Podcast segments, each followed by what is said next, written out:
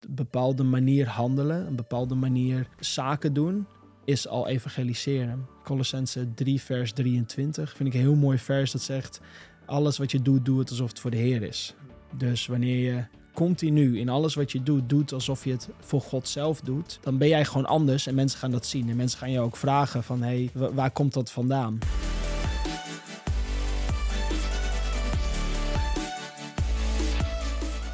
Vandaag hebben we weer een hele mooie aflevering van de In His Company podcast. Vandaag is de gast Harro Mulder. En als je aan een camper denkt, dan denk je aan Harro. Want Harro doet alles met campers. Klanten van buiten Europa die in Europa een roadtrip willen maken, die komen terecht bij Harro. Harro doet daarin adviseerwerk, hij verkoopt campers. En mensen krijgen een hele mooie reis in Europa door de campers van Harro. Daarnaast heeft hij nog een stichting waarmee hij campers beschikbaar stelt voor het Koninkrijk van God.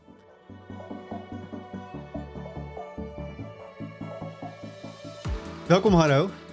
We gaan het uh, vandaag weer een mooi gesprek met elkaar en over ondernemerschap en over Jezus en hoe je de leiding van je bedrijf aan God geeft.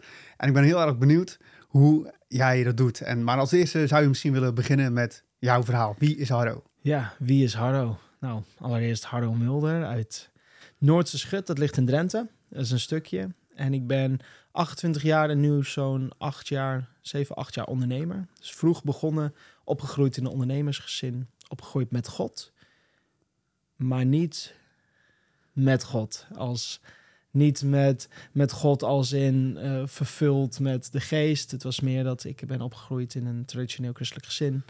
En daar heb ik uh, God zeker meegekregen. En op 25, 26-jarige leeftijd ben ik daar echt bekeerd. En dat is ook het moment dat ik mijn onderneming dus aan hem kon geven. En sindsdien ja, is niets meer hetzelfde. Nou, dus je kende God al, je, je was al lang in je leven ondernemer. Een eh, vierde van je leven ben je nu ondernemer. Maar je, bent ook... zo zegt, ja. Ja, dat is een ja, Aardig, uh, aardig percentage. En, uh, maar je zegt ook, ik ben ook opgegroeid in een ondernemersgezin. Ja. Kun je, kun je daar misschien wat over vertellen? Hoe, hoe zag dat eruit? Nou, mijn vader die was schilder. Vroeger had schildersbedrijf. Op een gegeven moment heeft hij dus eigenlijk het hele bedrijf verkocht. Ook in zijn leiding met God. En vertrouwen op wat God voor hem in petto had. Dus hebben verhuisd naar Hoogveen uiteindelijk. Hij werd daar directeur van Vossenbelt. En daarna is hij eigenlijk begonnen samen met mijn moeder met een camperbedrijf. Dus ze hadden een campertje, die gingen ze verhuren. Ja, het ging zo goed. En binnen, volgens mij binnen vier, vijf jaar waren ze echt een van de grootste camperverhuurbedrijven van Nederland. Dus heel bijzonder. En ja, daar, daar ben ik in opgegroeid, in die, in die gloriedagen, in die drukke hm. dagen. Dus mijn ouders die waren veel bezig met het bedrijf. Ik uh, kreeg veel vrijheid daarin. Dus ja, ik ben wel echt opgevoed met, met ouders in een gezin die vooral heel erg genoot van die vrijheid. Dus lange vakanties, maar ook hard werken, late uurtjes. En zodoende ben ik dus denk ik zelf ook ondernemer geworden. Hmm. Omdat om vanuit dat gezin, vanuit die opvoeding in een 9 tot 5 baan te stappen, dat zou heel erg. Ja, dat was voor mij heel belemmerend. Heel, ik voelde me direct heel gauw opgesloten. Dus ik heb eigenlijk dit is denk ik geen bedrijf waar ik langer dan een paar maanden fulltime voor heb gewerkt. Um, dus ja, goed. Dus op mijn achttiende, ik heb wat rondgereisd. Ik heb wat gewerkt in het buitenland, Frankrijk. En nou, vanaf mijn achttiende, negentiende wat gewerkt. Op mijn twintigste rondgereisd. En op mijn twintigste, eenentwintigste kwam ik thuis. Toen dacht ik, nu moet ik volwassen worden. Mijn vader had op dat moment einde van zijn bedrijf, dus hij liet het een beetje, een beetje doodbloeden. Mhm. Hij deed niet meer zoveel aan, maar er stonden nog wel campers. En ja, dan krijg je een hele mooie kans om te zeggen: Nou, pap, laat mij maar losgaan met die campers. En ja, hij zei: Ga maar los, doe maar waar je zin in hebt. Toen mocht jij het doen. Dus toen mocht ik het doen. Dus ik heb het niet overgenomen, maar ik heb natuurlijk wel beschikking gekregen over. Ja. Ehm, nou, twee, drie campers van hem die ik mocht inzetten. En ja, dus dat was een mooie, een makkelijke start. Met veel risico, dat wel. Maar toch een. Ja, ja wauw. Maar je zegt ook wel, wat ik wel grappig vind. Je, je, vader is christen en je moeder ook. En zij hebben eh, een onderneming gehad en nou, daar veel in gedaan. Uh, succes in geboekt. Nou, misschien zijn er ook struggles geweest. Maar je hebt in ieder geval gezien hoe, ze, uh, hoe het ondernemen er, eraan toe ging. Maar je zegt ook iets van, ja, hij deed het ook samen met God. Ja. Maar zelf zeg je van, ja ik, ja, ik kende God wel vanuit wat ik gezien had. Maar ergens is het bij jou zo'n moment geweest dat het letterlijk veranderd is en dat jij je bedrijf aan God hebt gegeven. Ja, ja. ja je leert, je krijgt kennis van uh, een leiding van God. Ik denk dat ik mijn hele leven God gekend heb. Ook overtuigd was van mijn geloofsleven. Dus ik ging al vrij gauw niet naar de kerk. Traditionele kerk had ik veel moeite mee. Ik herkende God daar ook niet in. Ik herkende Jezus daar niet in.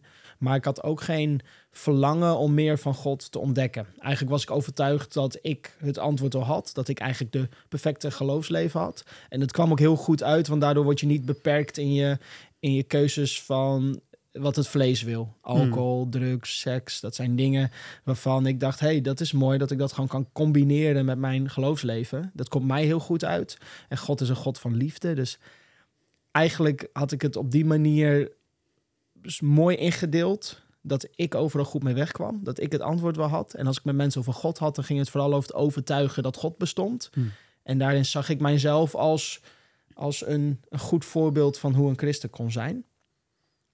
Totdat je, God echt ruimte geeft. Mhm. En hij breekt niet in, dus hij moet ruimte krijgen. Maar op het moment dat je dan een centimeter of een millimeter aan God geeft, ja, dan komt hij en dan is het echt even, even met je billen bloot. Ja, dan komt hij echt binnen en dan, zie mhm. je, dan voel je, je opeens heel klein. Mhm. Dus dat was heel Hoe is dat gegaan? Ik kwam in aanraking met de boeken van Tom de Wal in eerste instantie. En daar kreeg ik heel veel kennis uit. Ik vond het heel interessant. En ik denk, wauw, wat een...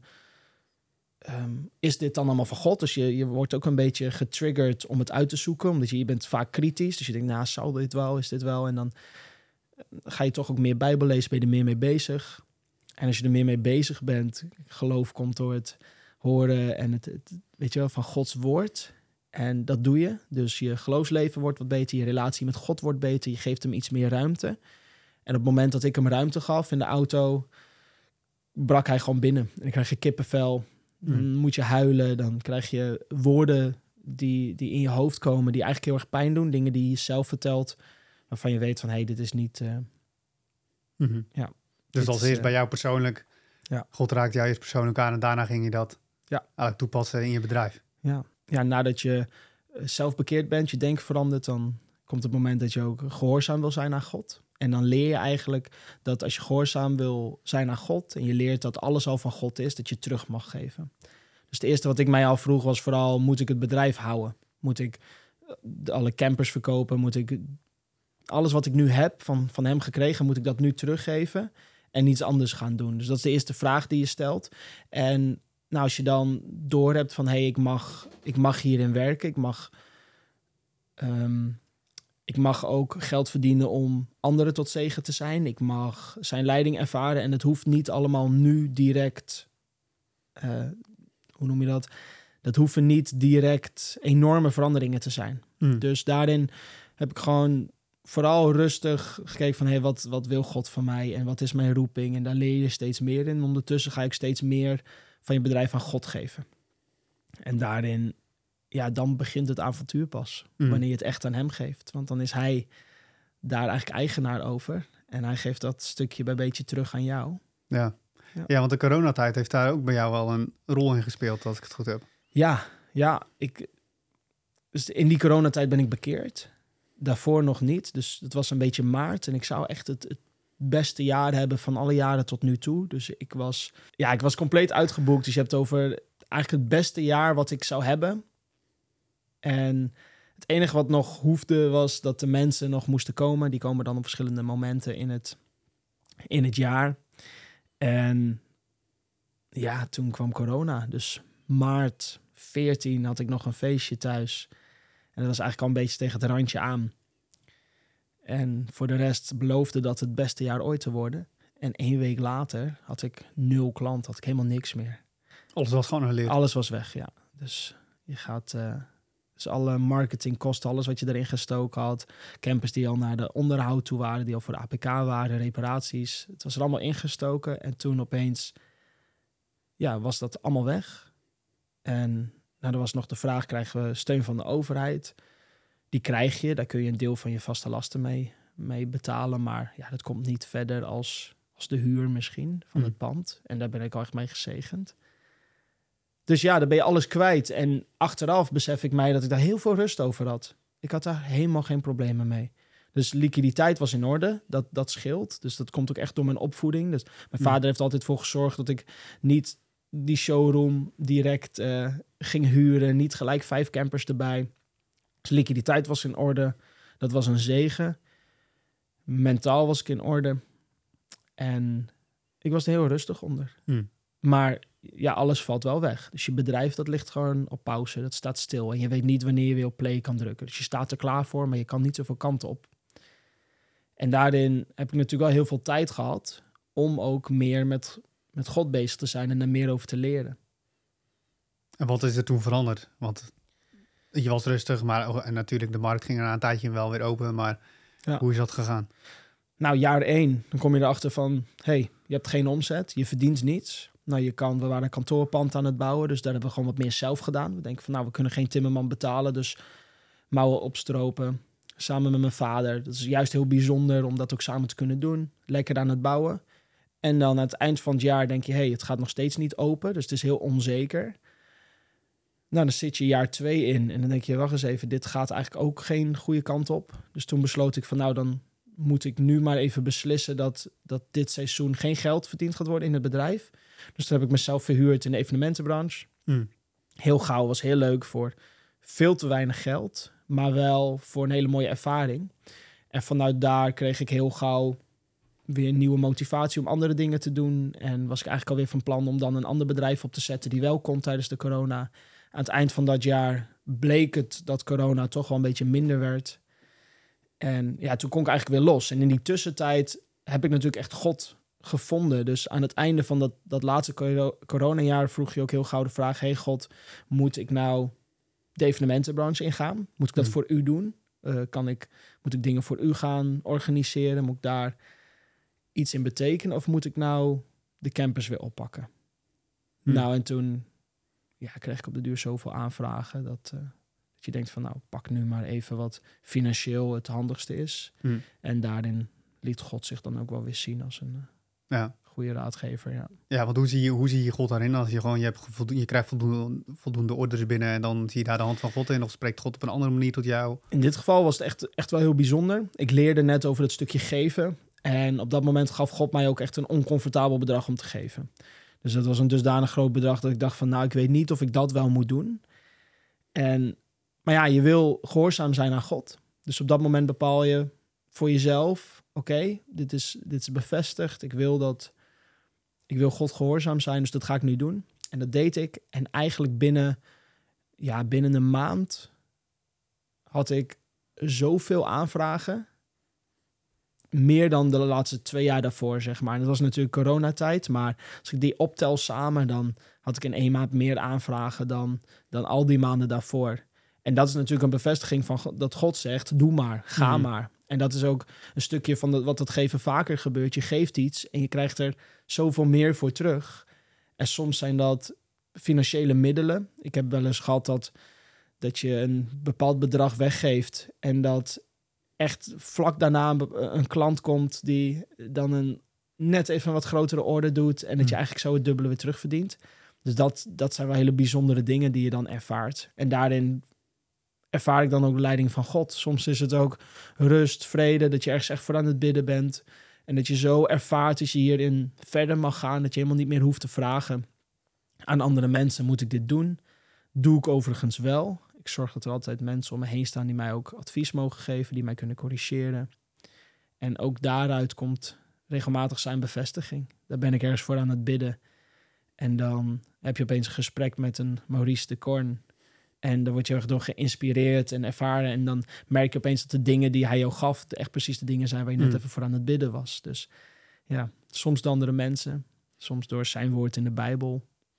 Ja, mooi. Mooi, dus raadgevers betrek je ook echt. Maar het is ook al, het klinkt echt als een, als een geïntegreerd iets. Dat je soort, je God, je leven, je business, het is allemaal één geheel. Je betrekt alles met elkaar tot een eenheid. Ja. En dan floreer jij het beste als ik het zo hoor. Ja, ja. Dus het is, ik probeer het gewoon steeds weer aan God te geven. Het is ook van hem.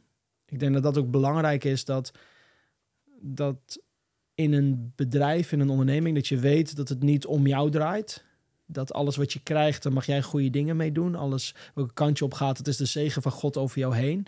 Maar ten diepste is jouw opdracht, jouw doel, om te bouwen aan het koninkrijk van God. Dus alles wat ik krijg, dat zijn tools om te bouwen aan zijn koninkrijk. De, de woorden die ik kan spreken, de momenten dat ik ben, dat, dat God dingen kan doen in mijn leven, dan zijn dat dingen van evangelisatie of mensen kunnen raken of geld verdienen om in zijn koninkrijk te stoppen. Mhm. Dus Ja, maar jij Ja. gaat verder dan alleen geld geven. Je, je, had, je had het net over geven, eh, tiende geven, misschien ook andere eh, percentages. Het zit hem misschien niet per se in een percentage, alhoewel tiende natuurlijk een heel mooi principe is. Ehm, maar je zegt nu ook iets van evangelisatie. Maar zie, je, zie jij ook mogelijkheden om te evangeliseren via je business? ja, ik denk dat evangeliseren in je bedrijf, dat is makkelijker dan dat het soms lijkt. Mhm. Dus we gaan heel gauw denken we van, oh, we moeten met mensen het gesprek met God aangaan. Wanneer doe ik dat dan? Is dat wel het juiste moment daarvoor? Maar een, een levensstijl hebben, zoals Jezus die had, is ook evangeliseren. Mhm. Een bepaalde manier handelen, een bepaalde manier zaken doen, is al evangeliseren. Zoals Colossense 3, vers 23, vind ik een heel mooi vers dat zegt, alles wat je doet, doe het alsof het voor de Heer is. Mhm. Dus wanneer je continu in alles wat je doet, doet alsof je het voor God zelf doet, ja, dan, dan ben jij gewoon anders en mensen gaan dat zien. En mensen gaan je ook vragen van, hey, wa- waar komt dat vandaan? En ik denk dat daarin een dienstbare houding en alles beantwoorden met liefde en compassie. Al is liefde niet altijd lief, denk Mhm. ik dat rechtvaardigheid daarin wel heel belangrijk is. En dat is ook hoe ga je om met bijvoorbeeld een businessgeschil. Dus hoe ga ik om met een klant die niet tevreden is? Moet ik daarin, want soms moet je gewoon zakelijk zijn. Soms dan, dan gaat het om geld en dan moet je toch weten van hé, hey, wat, wat doe ik nu? En daarin probeer ik wel God te betrekken. Een, een leuk voorbeeld was dat ik zat in een geschil met een klant en dat was een hele leuke, vriendelijke man. Alleen afspraken zijn afspraken en als een camper stuk is, dat, dat moet betaald worden. Mhm. En dat was niet leuk. Ik vind dat ook niet leuk. Ik hou niet. Ik ben meer een, een confrontatievermijder dan dat ik er volop in ga. Dus ik vond dat niet leuk. Ik vond het voor hem niet leuk. Maar afspraken zijn afspraken. En dan moet je ook aan houden, want dat is ook je rechtvaardigheid. Dat, is, dat wordt ook van je, van je gevraagd. Mm.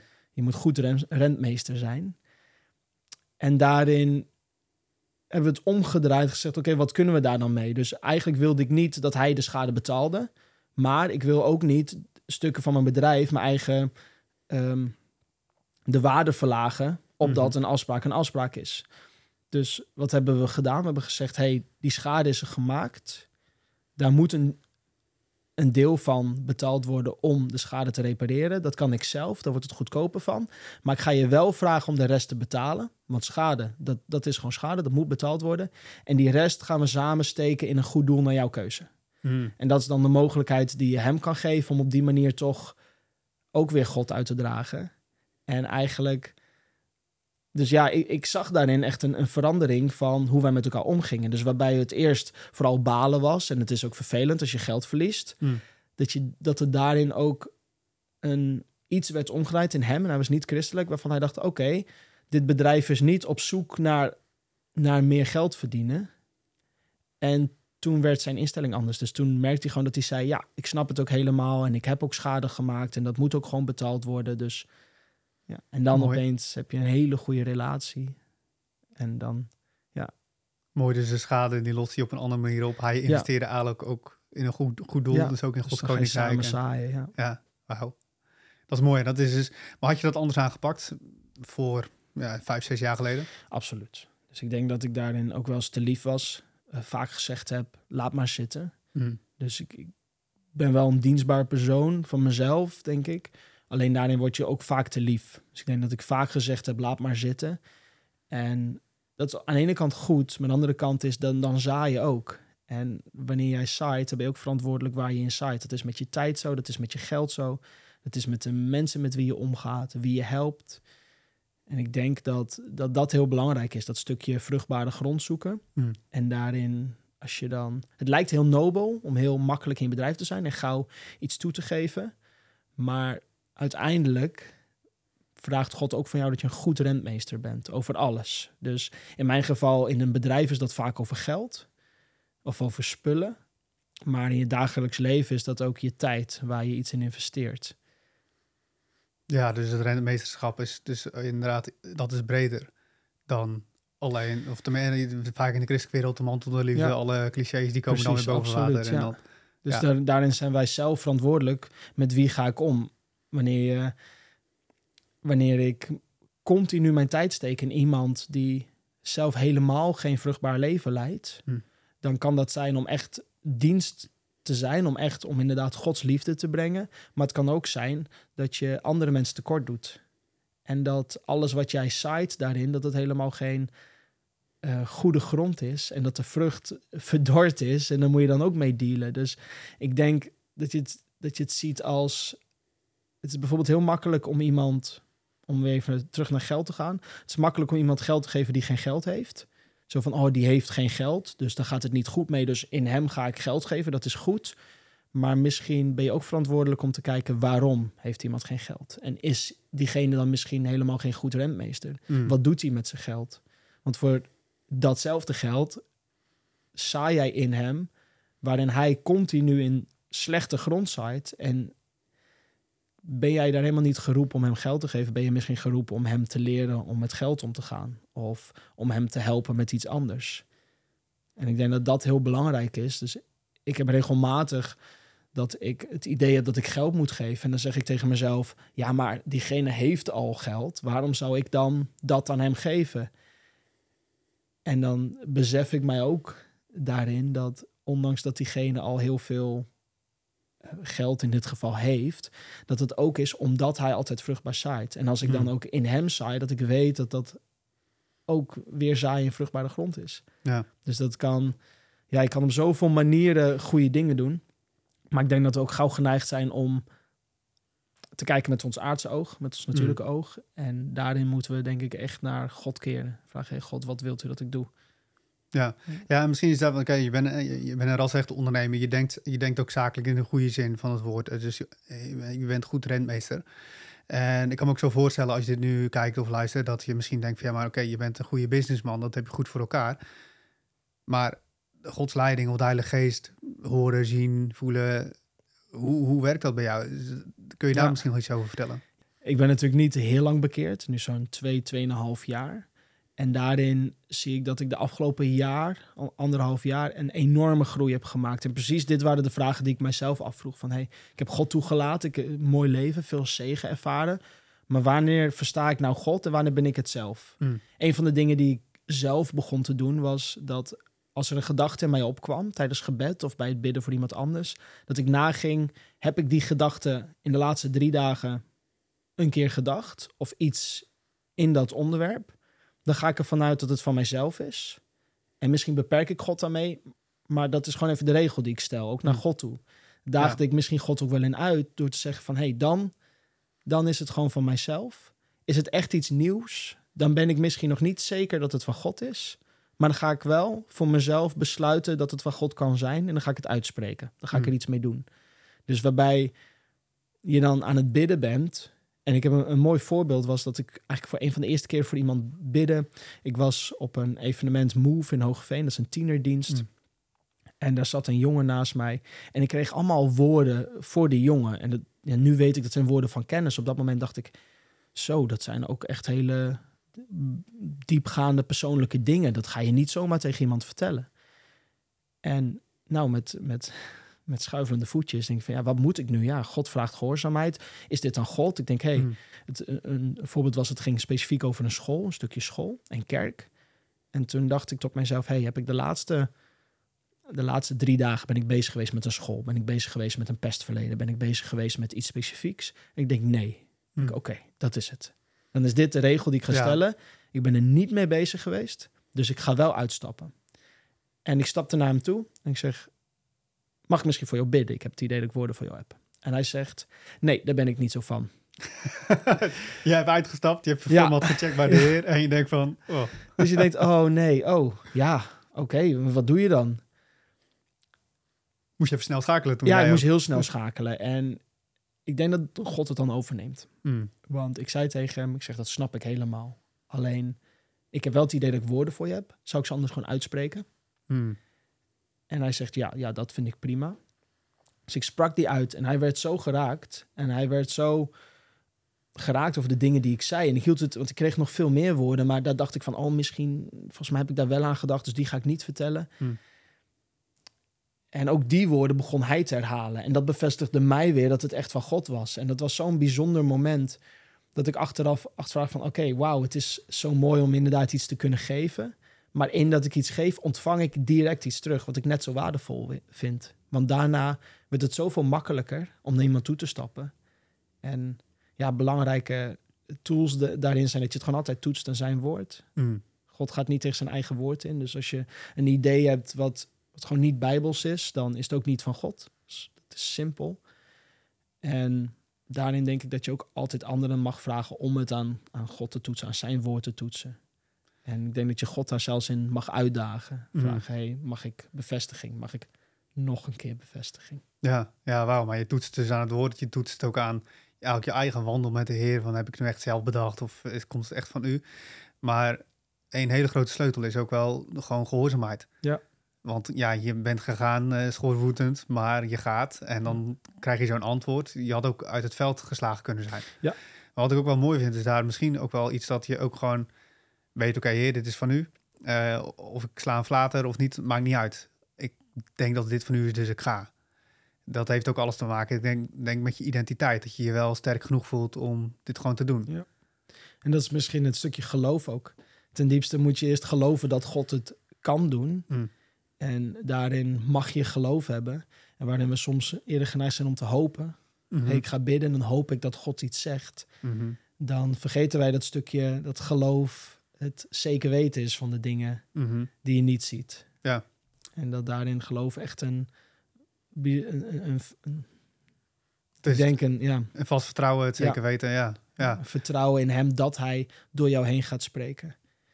En daarin zitten natuurlijk ook regels aan vast. Ik bedoel, als ik een idee heb of iets waarvan ik denk, hé, hey, dat, dat, dat komt zo in mij op, dan is natuurlijk niet de bedoeling dat je gaat rondroepen, zo spreekt de Heer en Hmm. eh, dit zegt God en eh, God wil dit aan jou vertellen. Mhm. Maar daarin kun je natuurlijk ook altijd tegen mensen zeggen, hey, ik heb het idee dat ik dit aan jou mag vertellen. ja, Of ik, ik moest hier aan denken. ja. Ja, en dan toets je het vanzelf ook met diegene of het inderdaad Ja. ergens iets raakt. Ja, ja mooi. En nou, ik ken je natuurlijk een klein beetje langer dan vandaag, dus ik, ik wil je ook wel uitnodigen om, om iets te delen op welke manier jij campus nog meer inzet of in wil zetten ook in Gods Koninkrijk. Ja, En dan gaat het echt om Gods Koninkrijk, dat weet jij net zo goed als ik, zo zitten wij erin. Dus dat eh voel je vrij om daar iets over te vertellen, want dat is iets heel moois. Absoluut. Ik, ten eerste, ik ben zelf natuurlijk jong ondernemer. Dus ik heb echt ook een verlangen om, om daarin in Gods koninkrijk te kunnen werken. Ook eh, voor andere jonge ondernemers, maar ook andere mensen, christenen, om mee te doen, te discipelen, om te helpen, om dienstbaar te kunnen zijn waar, waar God mij brengt. En een van, die, een van die dingen is stichting die ik op heb gezet samen met Bastia van Neer en Inge Schuller. En daar zit ook nog een groep van vrijwilligers bij. En die hebben allemaal dezelfde passie. En dat is dat we Gods woord willen verkondigen. Dat we zijn opdracht willen uitvoeren. Door heel Nederland, eh, door heel Europa, door heel de wereld. Kijk, we zijn hier nu neergezet en God geeft ons dingen en die mogen we inzetten voor zijn koninkrijk. En dat kan tijd zijn, dat kan talenten zijn, gaven, dat kan geld zijn, het kunnen spullen zijn. En daarin hebben we dus die, die passie om dat te kunnen doen. En we merkten ook dat als we het hebben over de opdracht van God, het verspreiden van zijn woord, het evangeliseren en discipelen, dat we daarin wel eens tools missen. Dat het moeilijk is om, om, een, ehm, om een voorbeeld te geven. Er zit een, eh, een vrouw die ik ken, is echt een ras-evangelist. Danielle, hart van goud, spreekt iedereen aan, maakt zoveel bijzondere dingen mee. Maar je merkt dat het soms lastig is om andere mensen te motiveren, om te Hm. inspireren, om ook de straat op te gaan. Om tools te hebben dat mensen naar jou toe komen. En dit is wat wij dus anders willen zien. En in dit geval heeft God mij campers gegeven. Dus hebben we ook een camper, de eerste camper, want dat worden er meer, dat spreek ik Mhm. uit. Amen. Hebben we een, gaan we een camper inzetten om zijn woord te verkondigen. En dan niet alleen op straat, dat is wel de bedoeling. Die, die camper wordt omgebouwd tot koffiecamper. Daarin zetten we een barista. Daarin gaan we met een team de straat op om te evangeliseren. Met goede koffie. Altijd wat in lekker. christelijk Nederland soms best nog wel eens een dingetje is, eh, Ja. zeg ik het zelf. Precies. Moeten we Dus, goede eh, koffie ja, heel het, moet, het moet goede koffie zijn. En dan gaan we... We hopen dat we daarmee ook echt een toonbeeld laten zien. Dat mensen zeggen, hey, wat is dat daar? Wat is dat voor gestelde, gestelde camper? Wat ziet dat er vet uit? En de vraag kunnen stellen, hoe gaat het nou met je? Waar wil je naartoe? En daarin mensen echt echt liefde te kunnen verkondigen en echt een stukje van Jezus te laten zien. Daarnaast willen we daarmee ook eh, christenen in Nederland bereiken en kerken om zo te laten zien van hé, hey, wat doen wij? Wat is nou onze opdracht? Hoe, hoe kunnen we nou Jezus verkondigen zonder mensen lastig te vallen? Of hoe Mhm. doen we dat in ons dagelijks leven, in ons bedrijf, op ons werk? Hoe kunnen we met kleine dingetjes gewoon hele grote dingen voor het koninkrijk doen? En een van die dingen is dat we volgend jaar, 2024, in de zomer zeven weken lang langs zeven verschillende campings willen gaan. Christelijke campings. We hopen ook op de wat kleinere christelijke campings om daar te kunnen dienen met een programma van drie dagen waarin we een workshop gaan geven. Dat kan een, een koffie- en barista-workshop zijn, waarin God zeker betrokken wordt op een hele bijzondere manier. Maar ook een, een workshop evangelisatie. We willen daar graag een dienst organiseren om mensen aan te vuren en te motiveren, te inspireren voor dat stukje, Mm. ja, dat stukje verkondigen van zijn koninkrijk. Wauw, dus je gaat niet Ja. alleen campers vrijzetten, inzetten om het evangelie in directe zin te verspreiden. Dat Ja. er evangelisten betrokken zijn bijvoorbeeld, maar ook nou, misschien profeten, andere type mensen in Gods Koninkrijk. Maar je gaat dus ook andere mensen meenemen in hoe doe je dat nu? En ook uitnodigen om het dan ook echt te doen. Mm. Dus drie dagen op een camping. De vierde dag zullen we dan in de buurt ergens gaan evangeliseren. Waarbij iedereen dan op dat moment natuurlijk is uitgenodigd. Niet onder dwang, dat hoeft niet. Mm. Maar dan mogen ze gelijk wat ze geleerd, wat ze gezien hebben in de praktijk uitvoeren als ze willen. En zo hopen wij ook te kunnen discipelen. Dat we ook andere mensen kunnen toerusten met de dingen om hetzelfde te doen. Mm. Ik denk dat dat het belangrijkste is. Dat we kunnen heel veel mooie dingen doen. Maar uiteindelijk is het stukje leiderschap... is ook iemand anders neer kunnen zetten. En dan gaat in de stroomvaart. Dan kunnen we zoveel betekenen voor hem. Ja. Ja, maar ik hoorde iets heel moois zeggen. Je, je zegt van je kent iemand die dan echt een ras, ras echt evangelist is. Die spreekt iedereen aan, maakt mooie dingen mee. Maar je hebt natuurlijk in het, in, in het koninkrijk heb je verschillende type mensen die elkaar versterken. Hè? Samen bij het lichaam van Christus. Maar jij als ondernemer, die, je bent daar betrokken. Je eh, organiseert campers daarin. Maar je, je zegt ook van je bouwt eigenlijk ook aan een team van de juiste mensen die elkaar dus versterken. Ja. En is dat. Kun je daar misschien iets over vertellen van hoe je dat, hoe je dat doet? Hoe, hoe, zie, hoe zie jij de juiste mensen opeens gewoon voorbij komen? Je zegt, nou, die kan dat doen, die kan dat doen. Hoe, hoe werkt dat bij jou? Ja, dat is een hele goede vraag. Teams bouwen. Ik denk dat, dat daarin is het wel heel belangrijk om eerst God om raad te vragen. Dus heel specifiek te weten wat, wat heb ik nodig? Wat, wat zegt God dat wij nodig hebben met om ons heen? Dus een, bijvoorbeeld een vijfvoudige bediening is een mooi punt om te Ja. zeggen... hey, hier ga ik gewoon richtlijn op instellen. Dus ik maak een keuze.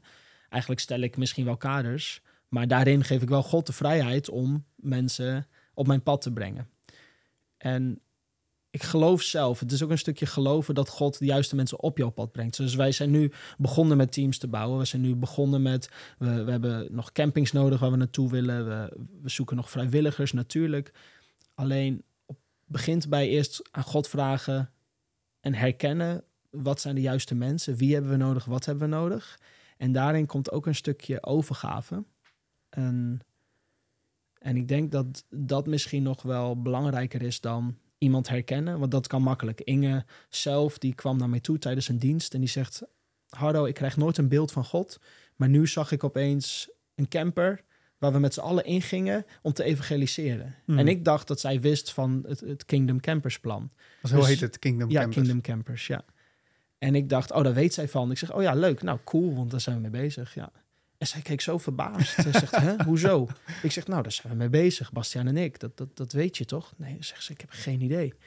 Oh, wat cool. Dus ja, dat is zo'n bevestiging. Dus we zeggen, nou, ga daarvoor bidden. Vraag of het zo is. Toets het aan zijn woord. Maar ik heb het idee dat jij hier echt onderdeel van mag zijn. En dat doet ze en die, dat wordt bevestigd. En zij is zo'n enorme aanwinst. Dat, dat is zo duidelijk dat zij daar de verbinder is, de aanstuur. Eh, het persoon wat echt de lijm is tussen, tussen iedereen op dit moment Hmm. dat, ja, dat brengt God dan zo op, jou, op jouw pad, daar kun je dan niet omheen. En daarin mogen we zelf ook uitdagen. Gewoon zeggen, God, dit is wat we nodig hebben. En dan ga ik rondkijken, want dan ben ik ermee bezig. Betekent ook dat als er soms mensen komen of dingen komen die zeggen... hey, ik wil daar graag onderdeel van zijn, maar God zegt het tegenovergestelde. Mhm. En die vind ik lastiger. We hebben Mm. een moment gehad, en het was heel bijzonder, daar hebben heel veel uitgehaald. We hebben een moment gehad dat ondanks dat we net zijn begonnen als stichting, dat iemand ons opbelt en zegt: hey, wat bijzonder wat jullie, wat jullie willen gaan doen.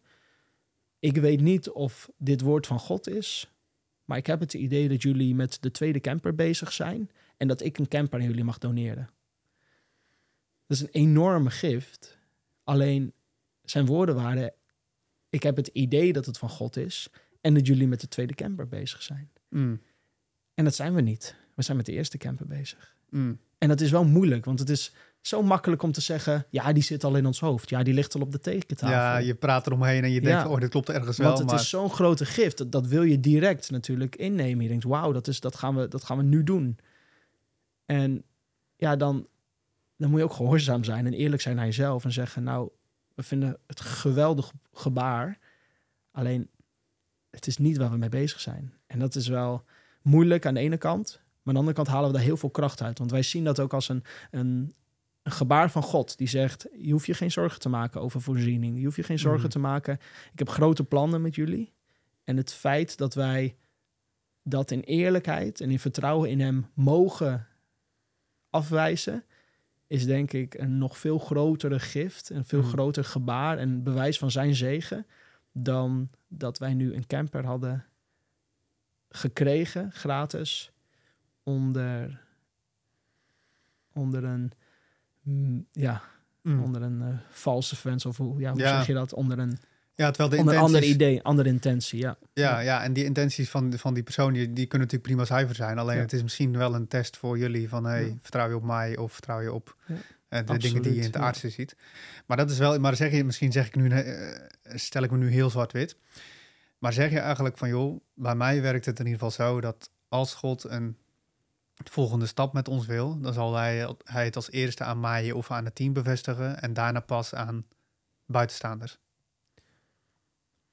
Dat is moeilijk. Ik denk dat, dat, dat, we, dat God op alle manieren werkt. En ik denk dat hij, dat God vaker buiten de lijntjes moet kleuren dan wij. Mhm. Ik denk dat wij heel vaak lijntjes stellen. Dat wij zeggen, zo is het, zo gaat God spreken. En dan gaan we in dat doosje op zoek naar God. Mhm. Terwijl God vaak buiten de doosjes is. Mhm. Dus ik denk dat God op allerlei manieren nieuwe ideeën en dingen kan bevestigen. Dat het enige wat wij hoeven te doen is onze oren te openen en te geloven dat God dingen aan ons wil bevestigen. Mm. Ja, nou, dat zeg je mooi. En ik hoor er ook wel echt je hart in terugkomen. Van hoe, hoe ziet je, eh, eh, waar zet je je hart op? Dat is iets, want kun je daar, want dit is een best wel. Maar zie, zie je het dan als verleiding of zo? Of heb je, wil je helemaal niet beginnen aan het, eh, hoe je dat gaat duiden? Wil je dat gewoon, dit is gewoon hoe het is.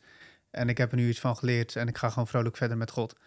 Is het, is het, is het iets van, dat, dat, dat aanbod, zag je dat als verleiding of helemaal niet?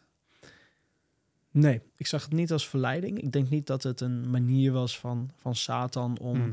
ehm, die heeft eh, daar nul macht in. In ieder geval, dat, dat is... Hij is veroordeeld en ja, hij heeft hij geen is veroordeeld en hij heeft geen recht meer. Het is allemaal klaar. Hij is onder onze voeten. Dus Amen. daarin kan hij soms heus dingen influisteren, ook door andere mensen heen. Ik zie dit echt als een, een stukje misschien voor die persoon zelf, Mm. die dat van God kreeg te horen en daarin echt iets bijzonders heeft gedaan. Al is datgene wat hij gedaan heeft niet het weggeven van de financieel middel was. Mm. Ook zijn wij heel erg aan het bidden voor de financiële middelen. Omdat we gewoon merken dat het soms lastig kan zijn. En daarin bidden wij van, hé, hey, wat, we, hebben, we hebben iets nodig, Heer. We zoeken uw voorziening, we vragen uw zegen daarover. En God geeft ons daarin een antwoord dat hij wil voorzien. Mm. Hij wil iets aan ons geven. En hij laat ons zelfs zien dat wat hij wil geven, dat dat heel groot is. Dat hij geeft ons zelfs al de mogelijkheid om een enorme gift af te wijzen. Om aan ons te bevestigen, ik wil wel door jullie heen werken. En ik denk dat het daarom zo specifiek was dat die persoon ons opbelde en zei, ik heb het idee dat jullie met je tweede camper bezig zijn. Mm. Want als hij had gezegd, willen jullie een tweede camper? Dan hadden wij gewoon ja kunnen zeggen. Want Mhm. natuurlijk willen we dat. Ja. Maar hij vroeg heel specifiek. Hij zei dat ook specifiek. Mm. Hij belde ook op met het idee van, is het van God? Dus hij wist het ook nog niet. Nee, hij wilde het ook checken. Ja. ja. En Ja. daarin moeten wij eerlijk zijn en niet laten leiden door hebberigheid. Hoe makkelijk het ook is om daar weer een dingetje, een, een voorziening, en te laten zien van kijk hoe goed God is. God kan overal door geëerd worden, maar ik denk in dit geval dat het dat God heeft geen eh, slechte dingen nodig om iets goeds te doen. Mm, Hij doet veel goede dingen met slechte dingen. mm, Dus hij kan overal doorheen werken, maar hij heeft het niet nodig. mm. Ja, mooi. Mooi, ja. En wat ik ook echt hoor in jouw verhaal is ook echt een stukje geduld. Een stukje rijpheid misschien wel. Van oké, heer, we vertrouwen op uw weg. Ja. Ook al zouden we dingen, alle, het liefst alles nu misschien vandaag al hebben. En wat we Ja. allemaal nodig hebben. Maar we durven te bouwen. We durven rustig aan te doen. Ja, geduld, vertrouwen in hem. Het zoeken, het bouwen van de juiste fundering. En dat is echt iets waar we mee bezig zijn. Het, het duurt soms lang, maar we zeggen...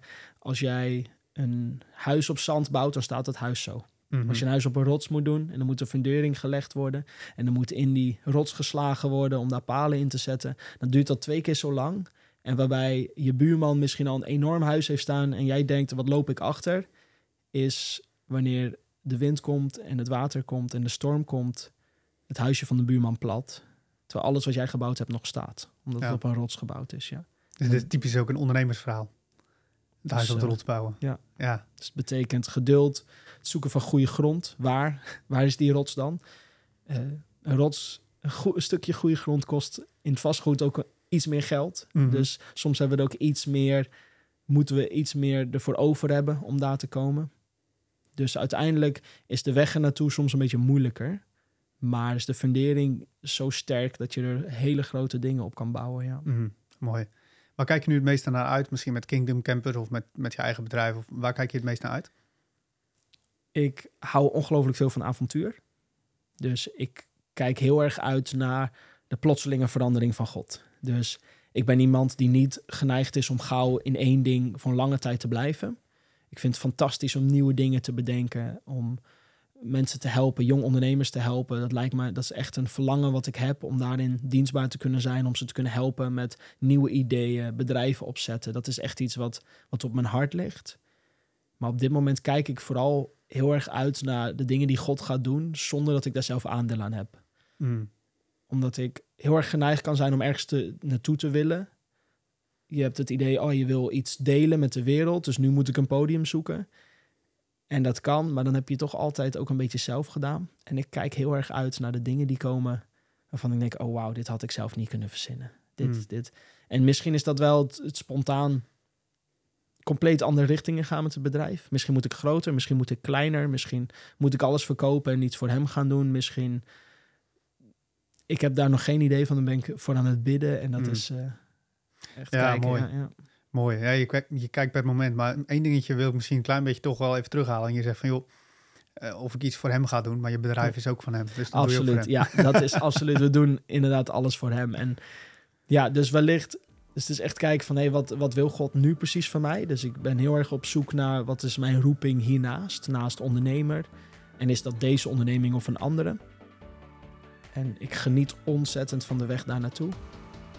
Maar dat is wederom een kwestie van geduld. Mhm. Mooi. Dankjewel.